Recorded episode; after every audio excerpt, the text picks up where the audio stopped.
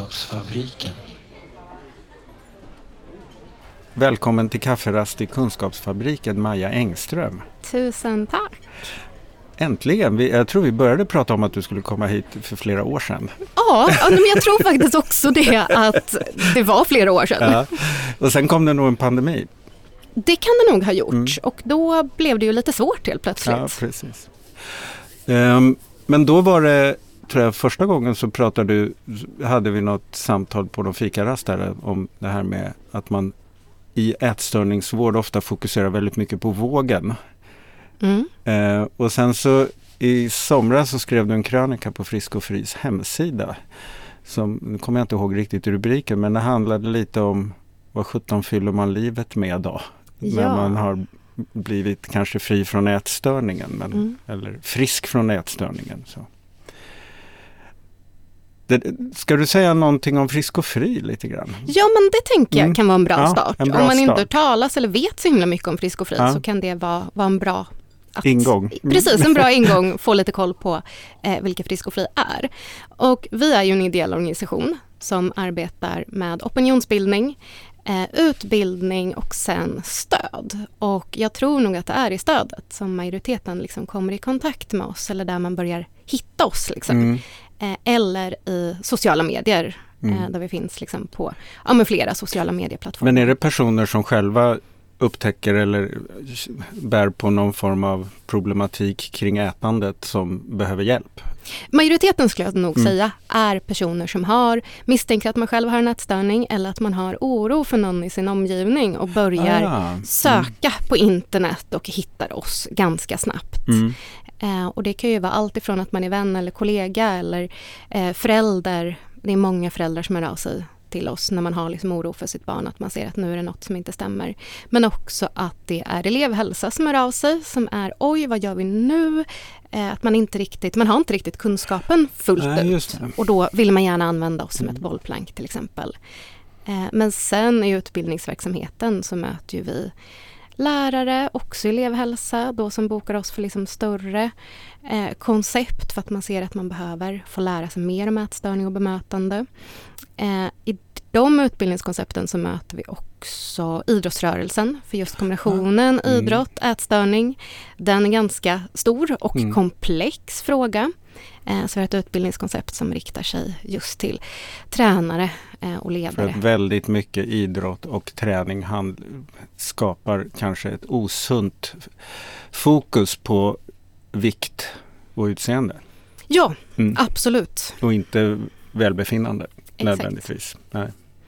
Eh, och sen när det kommer till liksom opinion så handlar det om att om en väcka frågan. Mm. Att lyfta ätstörningar, att faktiskt vi behöver arbeta mycket mer förebyggande och hälsofrämjande än vad samhället gör idag. Eh, vi lever i ett ganska hårt samhällsmässigt klimat mm. Eh, som ställer väldigt höga krav på oss som medborgare och individer. Eh, och vi, vår vision är ju ett samhälle utan ätstörningar där alla är fria att vara sig själva. Vi har alltså mm. en vision där vi ska lägga ner oss själva. Men så som det ser ut idag så är det inte i närheten av där vi är. Ni är inte klara till jul. Nej, vi är inte klara till jul. Vi har mm. lite kvar att göra. Men eh, det, jag tycker också det är, för ni bytte ju namn för några, ett antal år sedan och, och heter nu Frisk och Fri och det, jag tycker det är intressant det här med att det är fri också. Att det handlar väldigt mycket om det vi kanske ska prata lite grann om idag. Då. Ehm. Ja, och att frisk och fri var ju ett begrepp som vi hade pratat mycket och använt väldigt mycket inom organisationen och också så som vi själva definierar oss mm. från liksom, majoriteten av vad som finns i organisationen har ju också erfarenheten av tidigare ätstörning. Mm. Och det har du också? Ja, precis. Mm. Det har jag. Precis. Och just krossa lite den här myten om att en ätstörning kan du aldrig riktigt bli frisk ifrån. För vi är många som faktiskt är så här, jo det kan man. Eh, vägen dit kan se olika ut men det går att leva ett liv där ätstörningen inte är med och styr. Liksom. Nej, just det. Och det går också att när man har liksom skapat kontroll över själva ätstörningen också att faktiskt börja skapa någonting nytt. Mm. Alltså som är större än att bara inte ha en ätstörning. Exakt. och det är väl där den här friheten kommer in. Ja. Mm. Um, men om vi ska, den här krönikan du skrev, uh, där tänker jag att jag tror du utgick från att du skördade tomater. Mm, jag spolade löss på vinbär. Så var det till Eh, och med. nu är det däremot tomatskörden Ja, ja, som jag är inne på, just men just då löss. var det lössen. För det här var juni. Och då är, Ja, precis. Eller Mm. den var i alla fall skriven i juni, sen tror jag att den publicerades i juli och det var ju fortfarande vansinnigt mycket löss i och med att det här var en odlingssäsong som eh, startade med ofantligt mycket löss. Men du har allt. kolonilott? Ja, jag har kolonilott, Mm. exakt. Mm. Eh, Så där var det en tanke som faktiskt väcktes när jag stod och spolade bort löss från mina vinbär att så här, ja, det här är också en del av, av att leva. Ja. Och det hade jag nog inte, när jag var mitt i ätstörningen så hade jag inte kunnat känna att det var en del av att leva för då var jag så avstängd från Ah, ja. allt som handlade om, om liv egentligen. Men hade du någon känsla för att om jag blir av med den här ätstörningen? För jag gissar att du ändå upplevde den som ett problem. Mm, både Eller- och. Mm.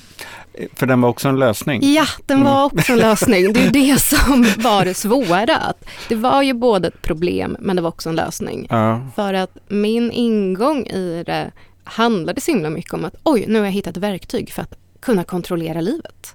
ja, just det. Men då är det ju också det, det man lurar sig med är att man reducerar livet till någonting väldigt litet. Ja, exakt. Ja, Eh, och livet är ju väldigt mycket större och ja, så. just det.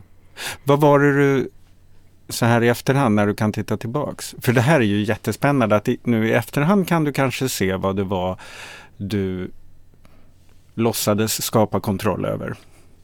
Men då var inte den förståelsen för att nu kontrollerar jag maten för att egentligen är det något annat som är svårt. Går det att se medan man är mitt i det?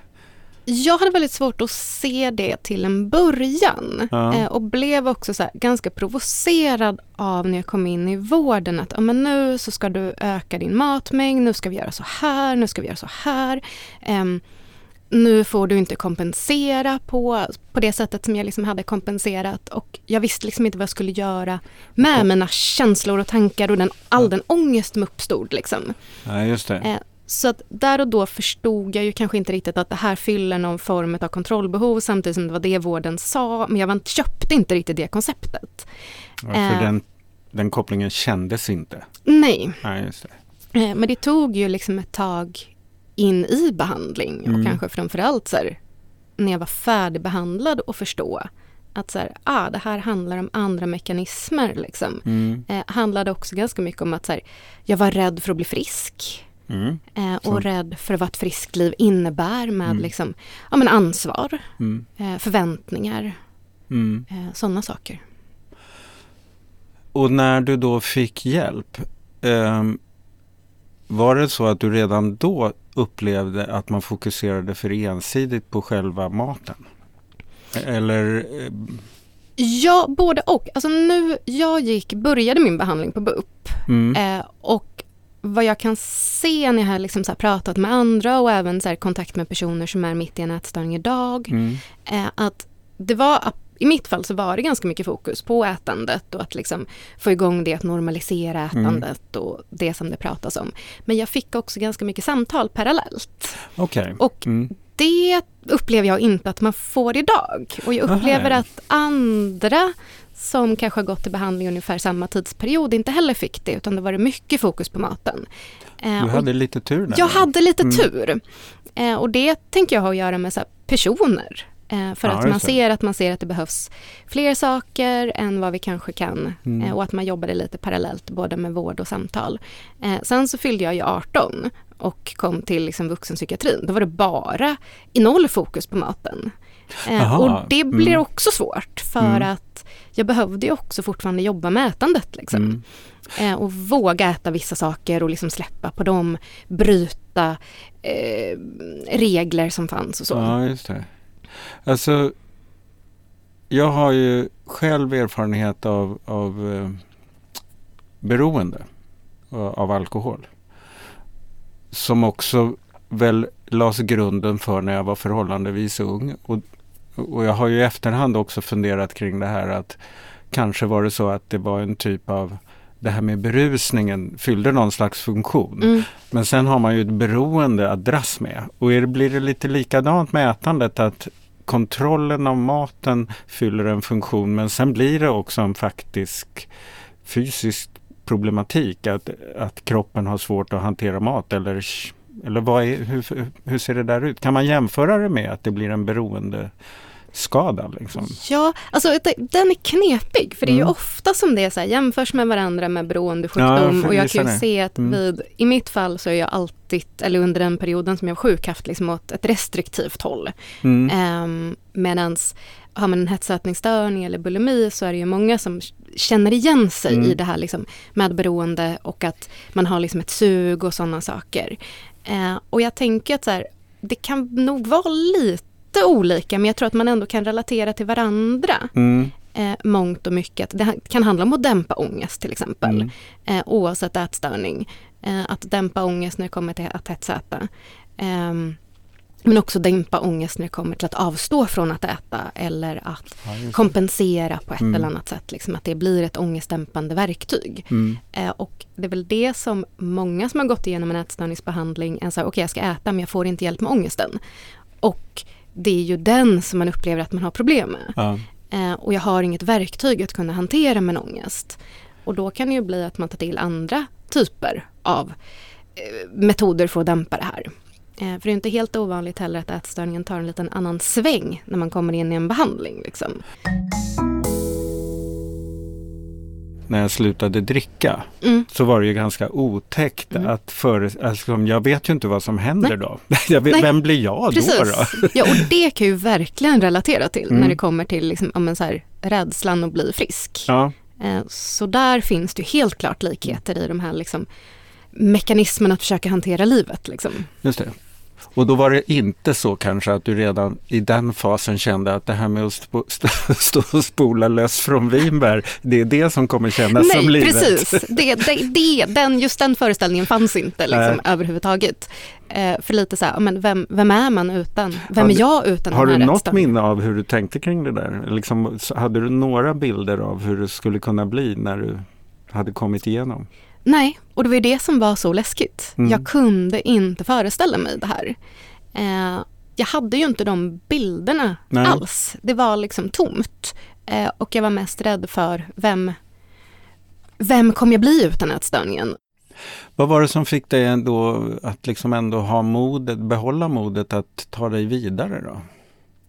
Jag tror att jag kom till en punkt där jag blev tröttare på sjukdomen. Den ja. känslan var starkare än rädslan att bli frisk. Just det. Att jag var så vansinnigt trött på att den begränsade mig.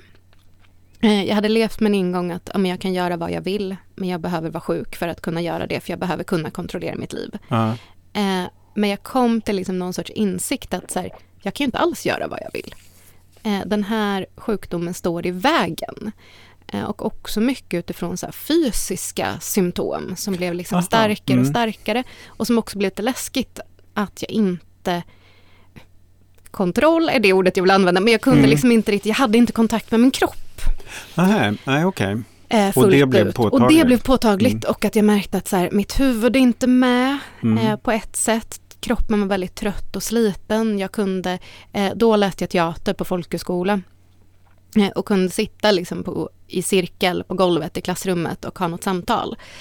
Och jag såg att mina klasskompisar pratade. Jag hörde att de sa ord, men jag förstod inte vad de sa. Okay. Och det mm. blev otäckt till sist. Liksom. Ja, att jag märkte jag. också att eh, mina klasskompisar orkar göra saker efter skolan. Eh, jag går hem till mitt internatrum och lägger mig och läser, för jag har ingen kraft och ingen energi. Liksom så just att alla de där sakerna mm. som liksom började staplas på hög av att säga, nej men det här begränsar ju bara mig. Jag kan ju verkligen inte göra det jag nej, vill göra för att jag vill också kunna åka in till eh, det här lilla samhället. Folkhögskolor har ju förmåga att ligga ute på vischan. Liksom. eh, och, och, någon gång vill man åka in på pizzerian. Ja, precis, exakt. Och det gick ju inte liksom, för mig. Eh, varken rent fysiskt, jag hade inte orken, nej. men inte heller ångestmässigt. Att vara så här, nej men det här är inte det här är ju inte ett liv. Kafferast i Kunskapsfabriken. Jag tyckte nog också, och det har jag tyckt i efterhand, när man möter vård och sådär som pratar om, om risker med, med, med att dricka för mycket. Mm. Att de fokuserar för mycket på de fysiska problemen. Ja. Och för lite på de sociala och de kanske självförverkligande. Mm. Att det här är, du, det är väldigt, om du ska hålla på att dricka så här mycket så är det väldigt mycket du inte kommer få gjort som du skulle vilja få gjort. Ja, och man blir inte bjuden på vissa fester Nej, för precis. att folk vill ja, inte ha en där för det finns en risk att... Ja. än att man får ett högt blodtryck. Ja, mm. Eh, och det är kanske det som också blir tidigt, märkbart tidigt. Mm. Liksom. Är det likadant med ätstörningsvården, att det blir också att man fokuserar väldigt mycket på farorna för kroppen? Ja, det skulle jag nog säga. Alltså mm. det är mm. nog många som upplever det så. Mm. Eh, och att det är det som man kanske så här, får till sig. Eh, jag vet ju personer som jag pratat med som eh, när de kom liksom var 14-15, deras BUP-behandlare sa att så här, ah, men om du håller, fortsätter hålla på så här så kanske du inte får barn. Och personen bara, jag vill inte och, barn, jag och. är ett barn. och ja, men att det är ja. den. Eh, så det, och jag vet ju att jag fick också lite sådana mm. liksom så här, fysiska faror för kroppen och vad som kan hända på sikt och sådana saker. Men att där och då tog ju inte jag till med det Nej. som någon form av alls effekt. Hur gammal var du när du började få vård?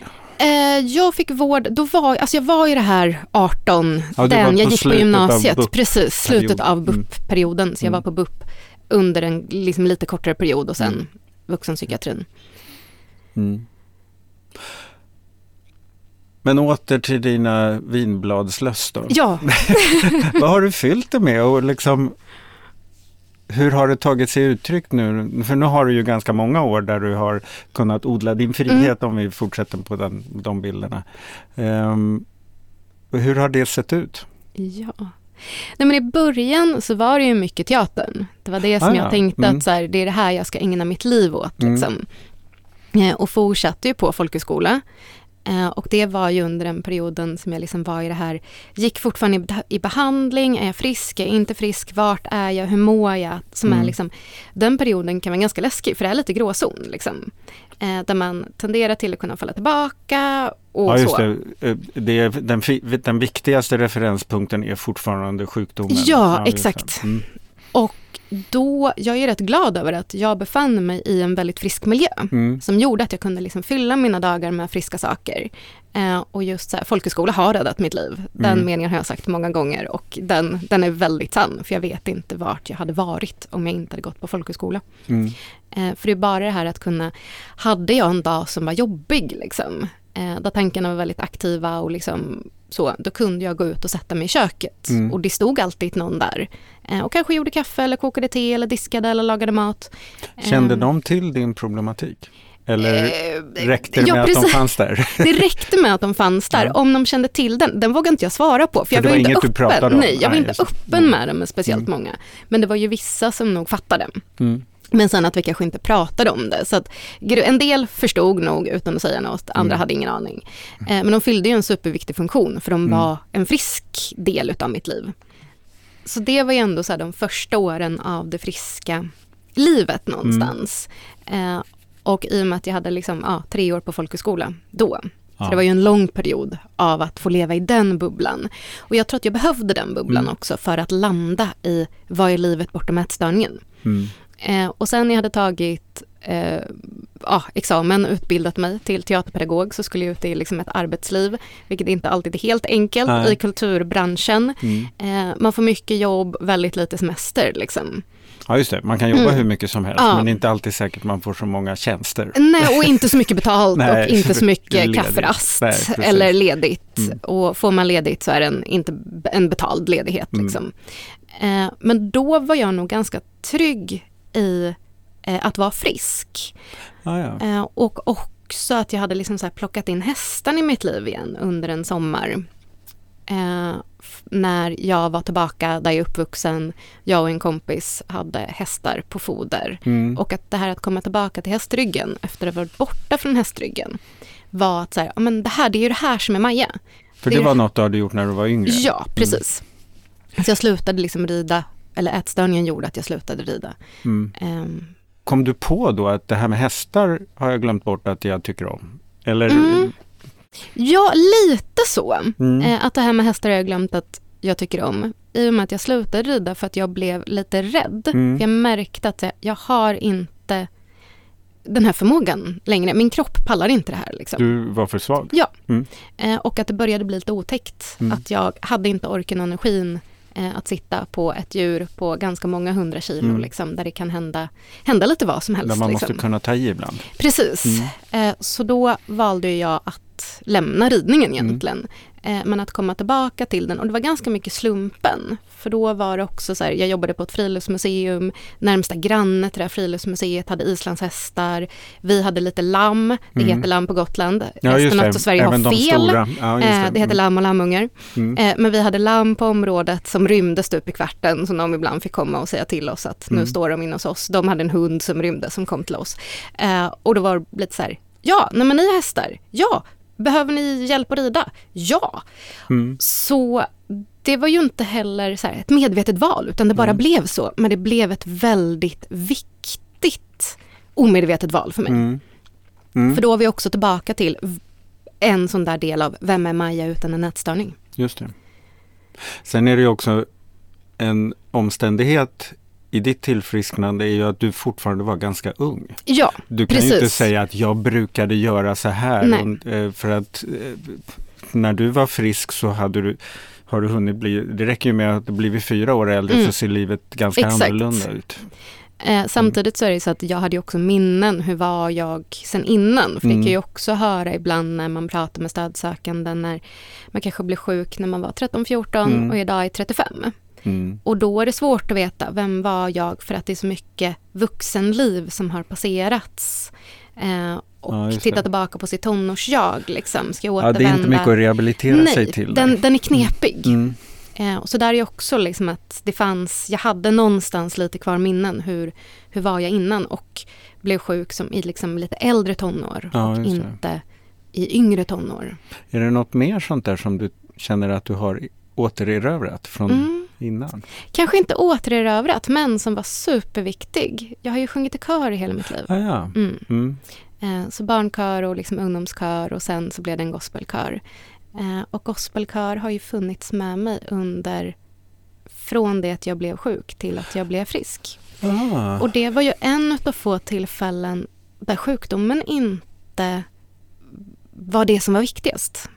Nej, just det. det fick, Det fick, sjungandet fick ja, vara sjungandet. precis. Sjungandet fick vara sjungandet och där Mm. var jag bara Maja i Mm. den kören som jag fanns i. Liksom. Jag var inte Maja med ätstörningen som Mm. jag ändå var i ganska många andra sammanhang. Jag fick vara jag och det var ju liksom ett sånt där tillfälle i veckan som gjorde att jag orkade kämpa när jag väl Mm. hade kommit till det där stadiet att nu ska jag bli frisk, nu måste Mm. jag hoppa rakt ut även om jag inte vet vart jag landar. Liksom. Var det ett tillfälle, kan du liksom känna att det var en vändpunkt att nu måste jag eller nu vill jag eller var det en mer gradvis process? Mer en gradvis process. Eh, men den liksom växte sig allt starkare. Mm. Eh, men att det kom liksom lite smygande hela tiden liksom under kanske ett halvårs tid. Att Ha, nu hade du supportrar som var invigda i det? Som du kunde vara öppen med och säga att nu kämpar jag? Mm, både och. Mm. Eh, för jag hade några personer som jag ändå sa det här beslutet till. Mm. Att nu har jag bestämt mig, nu ska jag bli frisk. Men det var ju personer som inte fanns i min vardag överhuvudtaget. Ja. Eh, och det gjorde det lättare för då slapp jag, om det var så att jag inte skulle lyckas, liksom, Mm. eh, då slapp de se det. Mm. Jag slapp känna mig misslyckad. Eh, samtidigt som jag hade sagt det högt för någon. Eh, Just det, det är viktigt. det, ja, det var viktigt. Mm. För att då, jag hade ju ändå sagt till mig själv några gånger, nu ska jag bli frisk. Och det höll i några dagar, Mm. eh, den kampen. Och sen så var man tillbaka i, liksom, eller jag var tillbaka. Eh, så det var viktigt ändå att säga det högt. Och sen under den här perioden så hade jag också liksom, ja, men kontakt med, gick i terapi. Eh, så det var snarare den delen som blev viktig, att kunna ha Att var- den kontakten. Att så att säga ventilera hur det känns och hur det är Ja. att vara precis här Mm. just nu i den här processen. Ja, det. och också så här, ja, men kunna få verktyg att Mm. eh, hantera ångest och få liksom ganska konkreta verktyg. Har du något sånt där jättebra verktyg som du hade glädje av som inte handlade om maten men som handlade om det här andra som uppstår då när du ska... Ja, men det var nog just, alltså dels eh, att skriva. Ja. Eh, att, och det var ju någonting som jag gjorde parallellt egentligen under och också så här från mitt eget, Ja, på eget initiativ. Och då slippa handlar det om att skriva konstnärligt eller Ja. mm, skriva av sig. skriva av sig. Mm. Eh, just för att här, få ur alla tankar som fanns i huvudet som Mm. bara liksom gick på loop. Mm. Att få ner det på papper så kunde jag lämna det. Eh, men också att måla. Mhm. Eh, och då var det ju mycket så här egentligen bara färger och former. Det behövde inte bli någonting. Eh, och det blev också så här att få pausa lite grann när tankar blev för påtagliga, att hämta kraft i Mm. dem. Eh, och jag tror att mycket av liksom min process att bli frisk har handlat om det att eh, hitta tillfällen för paus i tillvaron. Mm. I det liksom ätstörningens tillvaro för att sen kunna ta upp kampen med den. Liksom. Ja, just det. Men är det i de pauserna som det finns en risk att man tappar det? Eller handlar det om då att söka de här pauserna där man känner sig trygg? Jag tror mer på att söka pauserna där man känner sig trygg. Ja. Eh, för jag tror att kören, eh, de har nog inte fattat hur viktiga de För det var. har varit en paus. Ja, det har varit en Ja just, paus. det, även, ja, just det. det Ehm. paus måste inte betyda att jag inte gör någonting. Nej, utan snarare tvärtom att jag Att det gör, gör något som är tydligt. Exakt, Mm. gör någonting annat där det blir viktigare än Mm. ätstörningen. Liksom. Mm. Eh, att få vara i ett friskt sammanhang och få, eh, vet andra har uttryckt det som att, så här, att lajva frisk Mm. eh, och att praoa som frisk. Liksom. Då kan man ju göra vad man vill. Ja, precis, exakt. Och jag tror att, och att våga känna in det här livet, Ja, ungefär det. som ja, men när jag stod där och eh, spolade bort lussen Mm. från vinbären. Eh, att kunna känna in, att känna in en doft. Mm. Eh, det var sånt som jag faktiskt inte riktigt gjorde fullt ut när jag var Mm. sjuk, för att det var som sagt dämpat. Eh, att kunna känna liksom hur vinden faktiskt är ordentligt. Eh, alla de där delarna som tillhör livet som under ätstörningen inte fick ta utrymme. För Mm. det fanns inte plats för den. Liksom. Mm. Eh, och de delarna som jag tänker att vi kanske stänger av när vi har alldeles för mycket stress runt omkring oss. Liksom. Mm. Ja, verkligen. Vi sitter ju just nu och pratar precis veckorna efter att semestern är över. Ja. Vi ska kasta oss in i en höst. Och än så länge känns det ju som kick-off-läge. Mm. Men vi, det kommer ju en november också. Det gör ju det. Det kommer ju en november. Eh, och då kan ju jag inte använda så jättemycket kolonilott som ett Nej, sånt där andningshål och hämta paus. Som, Vad gör du då? då? Ja precis, vad gör jag då? Eh, nej men då är det ju så här, läsa har ju också Mm. varit och även under ätstörningen så var det liksom eh, verklighetsflykt tänker jag är fel typ av ord att använda men att det är ändå lite det här att vara vara någon annanstans Mm. liksom. Att eh, lugna ner systemet lite Mm. grann. Eh, att komma ner, i, komma ner i varv. Just det. Sen är ju det här med djur bra. Mm.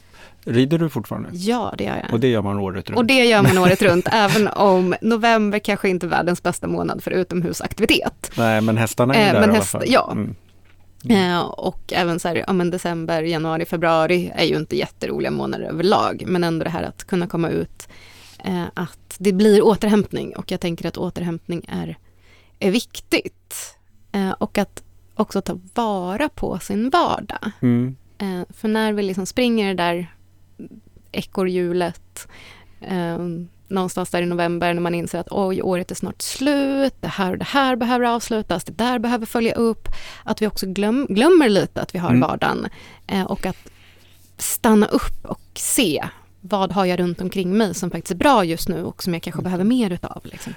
Även om kolonilotten inte är någon sprutt på i november så behöver man hitta vardagens liksom vinbärslöss Mm. även där. Ja, exakt. känna att det här är stunder av liv. Liksom. Mm.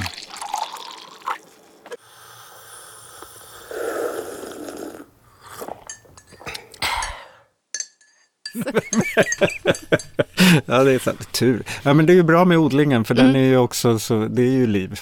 Ja. Och det är process och det är tålamod om inte annat och förtröstan på något sätt.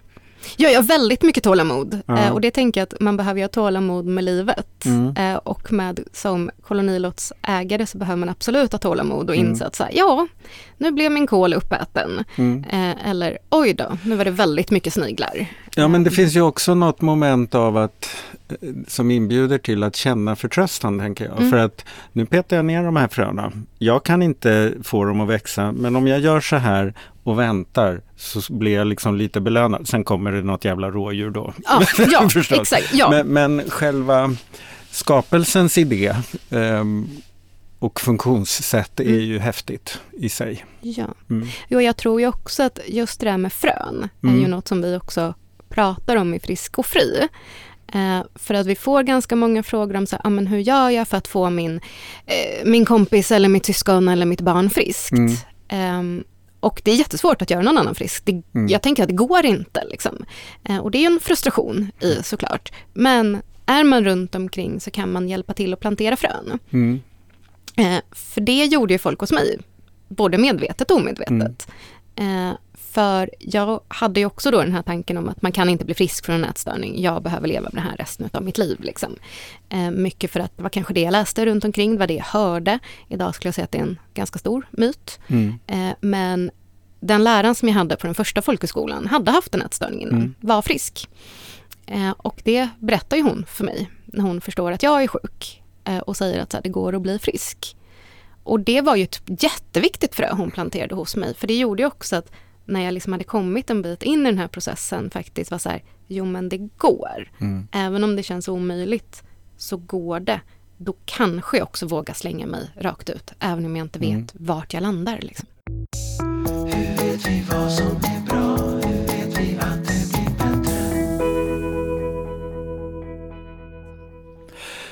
Skulle vården kunna bli bättre på att skapa, liksom, kratta bättre i manegen för det här som vi har pratat om, det här, allt det här som är efter sjukdomen så att säga och som också måste få infinna sig för att sjukdomen inte ska fortsätta att uppta all tid fast bara som en kontroll. Absolut. Jag tänker verkligen att man behöver prata mer om livet efter ätstörningen. Mm. Och att man kan också behöva göra det i behandlingen. Och att det var lite det som blir svårt idag för många. Mm. Att när man har avslutat sin ätstörningsbehandling eh, då uppfyller man ju då inte diagnoskriterier längre. Vården är ju uppbyggd. Nej, just det. Då är, oh, just det. Mm. det här med vården är mm. uppbyggd efter att du måste ha en diagnos för att få mm. behandling eh, och få vård. Eh, uppfyller man inte diagnoskriterierna eh, så är du inte sjuk. Mm. Men du behöver ju kanske nödvändigtvis inte själv känna dig frisk. Nej. För att det är skakigt. Och framförallt att man inte riktigt är rustad för hur är livet utan, utan den här sjukdomen. Eh, så jag tror att vården skulle behöva lägga mer fokus och jag vet ju, man gör ju det på många håll också, att prata om eh, hur hanterar jag sociala medier, hur hanterar jag min omgivning, saker som är triggande på olika sätt. Eh, men vi skulle nog behöva prata mer om det. Ja, jag tänker också att man behöver, det kanske man, ett samtal man inte prompt ska ha med med, med, med vården men att vården ändå är med och lotsar en vidare mm. i, i det här med de där miljöerna där man kan reflektera kring återhämtning och, och, och andra som man säger, ja men nu hittade jag den här pausen som mm. kändes trygg eller nu hittade jag de här vinbärslössen eh, som gav mig alltså det, det, har ju lite, lite det där med existentiell hälsa liksom. Alltså när, när man kan börja känna dofter inte bara fysiskt utan liksom få fascineras över att saker och ting finns. Har du några bra exempel på där du ser att vården försöker jobba lite tydligare med det här? Jo men det, jag ser ju att vård på många håll är liksom så här, man vill lyfta in sociala medier, prata mer om det. Ja, för det är en ehm. stor vad ska man säga, stressfaktor ja. när man har en ätstörning. Mm. Absolut. Eh, och just det här att, liksom, att göra bra val, att förstå eh, hur formas mitt flöde utifrån algoritmer. Eh, ja, väldigt handfast. Ja, jag tänker att det behöver nästan vara så, för jag tror mm. att många inte riktigt vet hur funkar algoritmen, varför mm. får jag det här flödet? Eh, och att det är någonting som man kan verkligen behöva prata om. Mm. Eh, och också att själv förstå att så här, nej, men jag, kan, jag kan göra val, jag kan välja bort. Och det som är knepigt med nätstörningar är att man söker sig gärna till en viss typ av innehåll. Mm. Eh, och, och, då får man mer av det. Ja, och då får man mer av det. Eh, TikTok och Youtube är ju verkligen två sådana ja. eh, plattformar där du får, där algoritmen är styrd på det sättet. Eh, och där tror jag att många som jobbar inom behandling inte riktigt vet hur livet på sociala medier ser ut. Eh, men det har jag ju sett att fler och fler ändå, man pratar om det. Mm. Och just det här liksom med liksom, självkänsla, självförtroende, att det är liksom de delarna också lyfts. Mm. Eh, men också att vården ser så otroligt olika ut över landet. Vi har ju inga nationella riktlinjer än. Mm. Eh, de nationella riktlinjerna är ju också mycket fokus på liksom, eh, kanske mer åt det somatiska än det här som vi sitter och pratar om nu, mm. som faktiskt handlar om livet. Eh, och jag brukar också säga att en ätstörning handlar inte så mycket om mat, det handlar om livet. Och då ja, behöver vi också få... Maten blir uttrycket för någonting. Ja, ja mm. eh, och då behöver man kanske också få lite hjälp med, med livet. Mm. Så. Eh, sen kanske inte det alltid behöver ske inom ätstörningsvården. Men att Nej, man behöver det. ändå prata om att det här kan, eh, livet kan vara, kännas knöligt över, även efter mm. en ätstörning. Eh, för det, jag levde också lite med den tanken att så här, nu kommer jag bli lycklig, allt kommer vara mm. perfekt. Men så funkar ju inte livet. Nej men, och det där kan jag känna igen mig i beroendet. Att glädjen över att ha slutat är en ganska bra energi under flera år. Mm. Eh, men sen kommer ju något annat när man började, när jag började upptäcka att fast allt det där som jag kanske tänkte att nu ska jag våga och hinna börja, eller hinna börja göra allt det där. Då vågade jag ju inte det och då blev man, det vart ju inte så roligt att känna att det är inte bara det där som var i vägen utan det är någonting med mitt mod också mm. inför mig själv som, som, som jag måste tampas med. Mm. Ja, och också att när man springer på någon form av hinder mm. eller händer någonting så är det ju väldigt lätt att då ta till det verktyg som man faktiskt kunde ja. och som man kan och känner sig trygg i när, när livet blir tufft. Mm. Eh, och då är det ju lätt att ja, men ta till alkoholen om mm. det är mm. det som har varit något som har dämpat innan eller eh, det här att bli restriktiv med sitt ätande mm. och, eh, och, att det i sig då kan utlösa eh, hetsätningsattacker och att man mm. är inne liksom i en liknande loop. Och där tror jag att vården generellt också kan behöva göra personer medvetna om det. Att så här, nu är du frisk, eh, men att livet, det här är ett verktyg för dig. Liksom. Det här mm. har varit någonting som och har... Livet kommer krångla ibland. Och livet, mm. Precis, livet kommer krångla ibland. Eh, och framförallt det här, liksom, kanske för mig var det första året, var mm. väldigt skakigt. Eh, och den behandlaren som jag hade då lyfte också det. Att så här, ja, men det är inte helt ovanligt att man trillar tillbaka till gamla mönster i början. Eh, när, när saker händer. Mm. Och det var ju precis också det som hände för mig. Liksom. Mm. Eh, och hon var, öppnade upp och var tydlig med att du kan komma tillbaka. Det är bara att du hör av dig när du märker att så här, nu är du tillbaka i mönster som inte är bra. Mm. Eh, och det krävdes inte jättemånga samtal för att vara tillbaka på banan. Ja, just det, att häva den risken för en, ett återfall. Ja, precis. Mm. För att där var det verkligen risken för ett återfall. Jag hade mm. inte kommit tillbaka i ätstörningen utan det var att häva risken för att kunna Men då när du, eh, var, liksom, när du hamnade i den risken, eh, var det lätt att känna igen mönstren? Jo, men ganska lätt. Mm. För det är lite kluvet då, ja. för att mönstren är ju delvis något som börjar skapa trygghet. Mm. Eller i alla fall är, är, det där du är van vid att ta mm. till. Men att då uppfatta dem som hot och mm. inte som lösningar. Precis. Mm. Eh, och det tror jag att min hjärna gjorde ändå hyfsat fort. Liksom, mm. Att den uppfattade det som att oj, nu är vi inne på en väg som inte är speciellt bra för mig. Eh, och det kom ju också tillbaka vid några tillfällen under det där första året när det blev liksom skakigt att jag märkte att nu får jag upp tankar om mm. att låt, hoppa över en måltid eller vad det kunde vara. Liksom. Eh, att nu tillbaka in. Eh, och då var det ju just att ja, men, prata med folk i min omgivning. Liksom. Mm. Att så här, nu, nu är det tufft. Men då är det ju klurigt, tänker jag, om man har blivit avskriven för man inte uppfyller diagnoskriterierna mm, längre. För att när det där skakar till mm. så är det ju precis den diagnosen som är faran. Mm. Eh, och då har man plötsligt kanske ingen kontakt längre eller någon som känner en eller mm. sådär. Så att det där är ju knepigt. Det slår mig nu, jag, vi har pratat om det tidigare i podden om det här med självvald inläggning. Mm. Där, där man liksom inte blir bortskriven utan när man får en överenskommelse om att du kan komma när du vill och kommer du inte så är det helt okej. Okay. Mm. Eh, men eh, att känna att den där, att det finns någon slags koppling kvar som erkänner att det har varit tufft en gång mm. i världen, det kan bli det igen mm. på något sätt. Mm. Ja, för den tror jag är viktig från vårdens sida att, mm. att plocka upp. För det är också att många kan ju känna skam med det. Ja. Att så här, ja men nu, jag blev ju frisk, varför kunde jag inte hålla mig frisk liksom? Mm. Eh, men att har man då någon som har planterat det fröet att livet, det, det, det kommer mm. uppförsbackar liksom. Mm.